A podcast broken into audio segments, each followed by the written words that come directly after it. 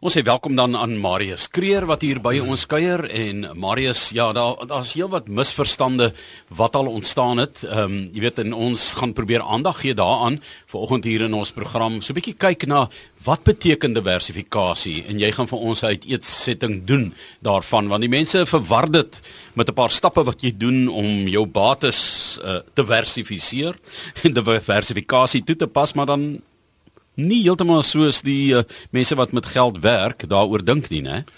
Uh, Goeiemôre Johan, luisteraars. Dis definitief so. Ek dink 'n mens hoor maar altyd hierdie storie van ag ek gaan nou nie al my eiers in een mandjie pak nie. Ehm um, en dit is seker reg om om die beginsel te handhaaf, maar as 'n mens heel aan die begin begin dan kom diversifikasie is eintlik 'n Bybelse beginsel. Uh ek gaan sommer aanhaal daar in Prediker 11 vers 2 staan daar sit jou besittings of 7 of 8 plekke want jy weet nie watter ramp die land gaan tref nie. So dis nie 'n is nie iets wat 'n mens uit die lug uit gryp nie. Ehm um, die rede hoekom dit daar staan is omdat mense weet daar kom soms slegte tye, daar kom soms storms, daar kom soms siklusse en al maniere hoe jy jouself eintlik gaan verskans is as jy verskillende ba tipes bates gekies het op jou geld op verskillende tipes plekke gesit het op so 'n manier dat dit nie gekorreleer is met mekaar nie. Ehm um, miskien net om te sê wat diversifikasie nie is nie omdat ons baie met kliënte werk, kry ons baie keer die persepsie van mense wat sê maar ek gaan my geld vir drie fondsbestuurders gee en dan is dit drie goeie name in Suid-Afrika en dan hierdie persoon die persepsie dat dit diversifikasie is. Met ander woorde, hy dink hulle sal self vir hom besluit waarom sy geld sit ensovoorts. Uh, en baie keer kies die, die persoon dan nou drie aandelefondse. En dan twee van hy fondsbestuurders het presies dieselfde styl. Hulle is tipe waarde sien maar waardefondsbestuurders. Wat nou eintlik beteken twee van hy fondsbestuurders uit die drie gaan presies dieselfde aandele koop vir hom. So as die mark afkom gaan daai twee fondse van hom presies dieselfde reageer. So dis glad nie diversifikasie nie. Jy jy jy verdubbel net jou administrasie.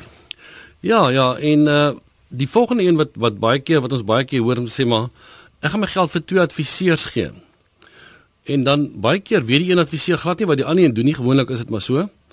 Ehm um, en as dit twee persone is wat miskien van dieselfde tipe beleggingsstrategie hou, dan gaan jy ook weer presies dieselfde kry. Ek dink 'n mens wil sê die doel van diversifikasie is om jou belegging so te versprei dat jy jou risiko verlaag terwyl jy nog altyd jou doelwit opbrengs kan ver, kan behaal. Uh jy wil dus bateklasse kies wat nie met mekaar gekorreleer is wat ek net gesê het. Dink as mense 'n goeie voorbeeld gebruik Johannes rentekoerse as rentekoerse opgaan en jou geld is in 'n vaste deposito by die bank en geldmark, dan is jy baie bly want dan maak jy mos dan nou meer kry meer rente. Maar as jy op daai stadium staatseffekte in eiendom het, hulle reageer negatief op rentekoerse wat styg. So staatseffekte in 'n siklus waar die rentekoerse styg, verloor jy kapitaal. As rentekoerse daal, wil jy staatseffekte hê, dan maak jy kapitaalwins. Dis dieselfde met eiendom. En ek dink dit is 'n baie belangrike ding. Jy wil bateklasse hê wat nie met mekaar gekorreleer is nie, sodat in die indien die mark val byvoorbeeld met aandele, het jy iets soos eiendom wat miskien kan opgaan of jou kapitaal kan beskerm of effekte of kontant. Baie keer kla mense omdat 'n mens in jou portefeulje 'n gedeelte van die portefeulje geldmark hou omdat jou opbrengs swak is. Maar dit is juis vir hierdie doel om te sê maar wanneer markte afkom soos nou en ons sit met heelwat kontant, dat ons dan ons 'n koopgeleentheid en hy kontant gedeelte van my portefeulje gaan nie val nie. So dit is baie belangrik. Ehm um, mens kan natuurlik ook tussen bateklasse diversifiseer en dan kan jy ook binnekant een bateklas diversifiseer. Ehm um, byvoorbeeld soos eiendom, jy kan in maatskappye belê wat tipies net winkelsentrums koop of jy kan in 'n maatskappye belê wat ander eiendomme besit. In die FSA kan mense maatskappye belê wat hierdie tipe groot wat hulle noem warehouses het uh maatskappye wat die geboue daar stel vir al die internetmaatskappye om hulle data te stoor want hulle het tog hardeware nodig om daai data iewers te stoor. Daar's baie soorte eiendomsmaatskappye en hulle is nie gekorreleer met mekaar nie. Ehm um, dieselfde met met aandele. Wanneer mense aandele fondsbestuurders soek en jy wil geld uh, tussen verskillende fondsbestuurders verskans of diversifiseer, dan soek jy eintlik mense met verskillende style. Wanneer ons byvoorbeeld na aandele fondsbestuurders kyk, dan gaan ons nie almal kies wat net waarde bestuurders is nie. Ons soek ook mense wat miskien 'n groei 'n groei benadering het of wat ons noem baie kere as nie eintlik Afrikaanse woord nie, 'n stockpicker, iemand wat baie goed aandele kan kies. Hy het nie regtig 'n styl nie, maar hy kies net baie goeie aandele. So 'n kombinasie van hierdie fondsbestuurders wat verskillende strategieë het, maak ook jou risiko minder binnekant uh, jou portefeulje. So dat jy kan ook dan so diversifiseer. Um, 'n ander belangrike ding wat mense moet onthou is dat jy ook kan diversifiseer tussen ekonomieë. Uh Johan ek en jy praat nou al die laaste paar jaar oor buitelands baie oor buitelands gepraat en mense wat byvoorbeeld in Suid-Afrika die afgelope jaar in Suid-Afrikaanse aandele belê het, het so te sê geen opbrengs gehad nie omdat ons beurs baie plat was. Indien jy gedeelte van jou geld, ons het tans 50% van ons kliënte se geld in die buiteland. Daai buitelandse aandelefonds het tipies 22% gedoen. So as jy 3% plaas plaaslik by die 22 sit, as jy daarom op 25, dan is jy gemiddeld 12. Maar as jy net plaaslike aandele gehad het, het jy heel moontlik net 'n 3% opbrengs gehad vir die jaar. Op tydjie nog party fondsbestuurders het negatiewe groei. En dit wys maar net die waarde van diversifikasie. Ehm um, natuurlik kan 'n mens ook te veel diversifiseer. Indien jy byvoorbeeld by ek sit maar al die voorbeeld van 'n roulette tafel gaan sit, uh nie dat ek enigstens dobbel of dobbel wil aanpraat nie. En jy wil jouself beskerm en jy pak op op alles, op al die nommers en op al die kleure. Dan het jy eintlik weet dan het jy soveel geld nodig dat jy gaan eintlik nie wen nie. Dit wat jy wen gaan jy verloor op die ander wat jy nie. So jy moet daarom 'n strategie hê en sê daar's daarom iets wat ek glo wat vir my kan goed doen in die volgende jaar of twee het sê dit eiendom of aandele of effekte het of buitelandse aandele wat ook al en dit moet dit moet jou strategie wees en daarom kan jy dan diversifiseer om jou risiko bietjie minder te maak. Ek wil hom net vir jou sê as jy nou die einde van die jaar op die Springbokke gaan wet en jy gaan wet 50 sê net maar rand daar op die Springbokke en jy wet 50 pond op die Engels gaan dit 'n ander storie wees want as jy dan verloor, jou pond verloor, dan uh, dan gaan dit 'n groot verlies wees. 50 rand kan jy dalk ja. nog meer wegkom. Maar ehm um, dit gaan dalk veiliger wees om dalk 'n bietjie Nieu-Seelandse dollar op die Nieu-Seelandse span te sit ook. Uh ja, kan nog met die wisselkoers ook dalk. Dan kan jy nog met die wisselkoers ook so ietsie kry. Dis reg so. Maar interessant genoeg dat jy uh, mense ehm um, baie keer uh, gaan kyk hulle ook, jy weet, na wat staan in hulle godsdienstige handleidings, jy weet in die Koran of die Bybel of so. Nou die Bybel is nogal interessant uh by Spreuke. Het jy vir my 'n vers deurgestuur en ek probeer dit nog ontleed na aanleiding van ons gesprek hierso. Dis Prediker 11 vers 2. Sit jou besittings op 7 of 8 plekke, want jy weet nie watter ramp die land gaan tref nie. Ja, nee, uh, dis ook ek het in die begin genoem het, uh dit is net 'n dis 'n dis 'n ou beginsel, 'n eeue ou beginsel van beleggings of van bates wat jy het om te sê maar die risiko is net so groot as jy byvoorbeeld net eiendom in Suid-Afrika en ek weet baie mense bou baie van eiendom en jy sal baie keer iemand wat ons toe kry wat sê maar hy het 'n paar ehm um, eiendomme, hy het miskien 'n paar woonstelle wat hy verhuur, hy het 'n vakansiehuis en 'n ander huis waar hy bly uh, of hy het 'n kantoorblok ensovoorts. Wat gebeur indien die rand bly verswak? Ehm uh, en jy sit net met rande wat jy inkomste voorkry van al jou bates. Want as die rand bly verswak, dis inflasionisties. Met ander woorde, petrolprys gaan op, alles wat ingevoer word gaan op, motorpryse gaan baie op. Ehm uh, nou sit jy net met rande en nou kom die land agter maar ek kan nie veel meer koop met hierdie rande, ek kan nie meer dieselfde koop nie. Al wat jy sou beskerm het is as jy ook buitelandse aandele gehad het of buitelandse se eiendom waar jy dollars verdien het in hier en ook miskien euros en ponde en dalk yen. Ehm um, dit is al wat jy sou beskerm het. So die die beginsel daarso is net die risiko wat jy vat is net te groot om al jou geld op een perd te sit en hoop die perd wen. Veral as dit iets is wat in die verlede vir jou goed gedoen het, dan is dit eintlik baie maklik om dit te doen. Want jy het hierdie ondervinding baie keer sê iemand vir my man ek het nog al my lewe eiendom gekoop en dit het my so goed gewerk, ek glo in eiendom. Dis nie verkeerd nie. Marius, ons het gesê ons wil gou kyk hoe werk hierdie proses nou van diversifikasie. Ja, ek dink eerstens ehm um, Johan moet jy 'n plan. Ek dink baie mense het nie 'n plan nie en hulle dink hulle as hulle gediversifiseer het iemand anders of hulle die plan maak.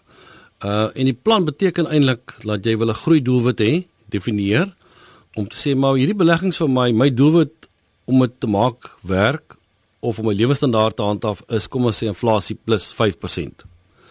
As jy dit gedoen het, dan moet jy gaan bepaal watter bates moet ek kies wat vir my inflasie plus 5% kan gee.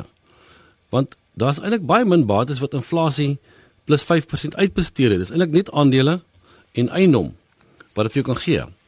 Ehm um, so as jy 'n baie goeie aandeel portefeulje bestuurder het, gaan hy inflasie plus 5 plus miskien vir jou nog 5% doen.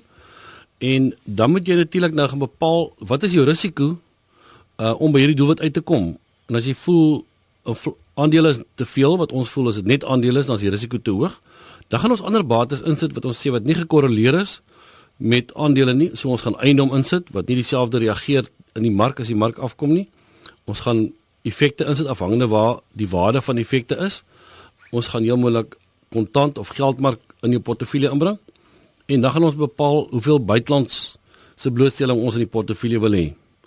En dit gaan dan vir jou op die einde van die dag die samestelling wees waar jy gediversifiseer het met 'n doel om by 'n spesifieke doelwit uit te kom. Wanneer iemand natuurlik aftree, het hy verskillende behoeftes. Hy het miskien hy het natuurlik 'n inkomstebehoefte, hy moet lewe, maar hy het ook kapitaalbehoeftes. Hy moet langs die pad beplan miskien om vir sy kinders in Australië of Kanada te gaan kuier eenmal in 3 jaar. Hy wil hom sy motor miskien vervang elke 5 jaar. So daai spesifieke behoeftes van hom moet tog in sy plan vervat word. En dit gaan jou al klaar in 'n posisie sit waar jy moet diversifiseer want jy moet redelike veilige beleggings hê vir jou inkomste gedeelte, maar dan wil jy ook langtermynbeleggings hê wat vir die groei kan gee. So jou plan gaan bepaal hoe lyk jou diversifikasie binnekant jou portefeulje.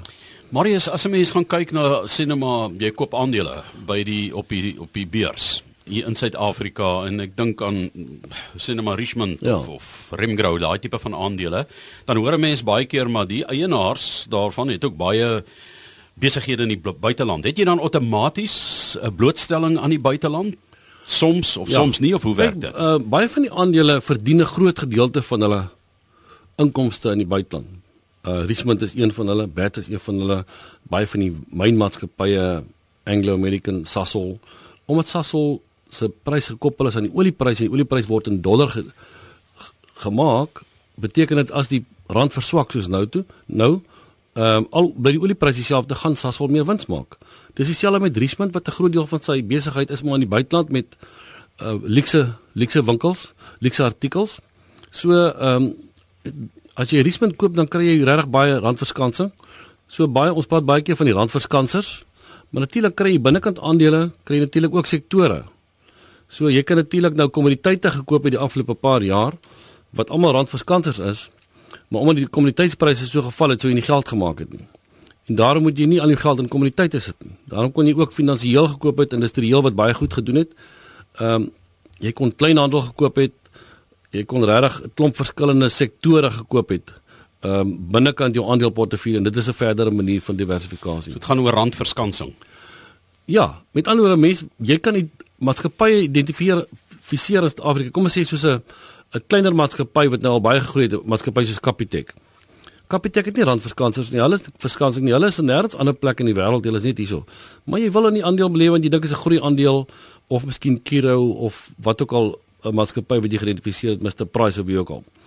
Ehm um, so dan weet jy jy, jy in daai maatskappy nie randverskansers nie, maar dan wil jy in die res van jou portefeulje wil jy daarom ook aandele kies wat randverskansers is.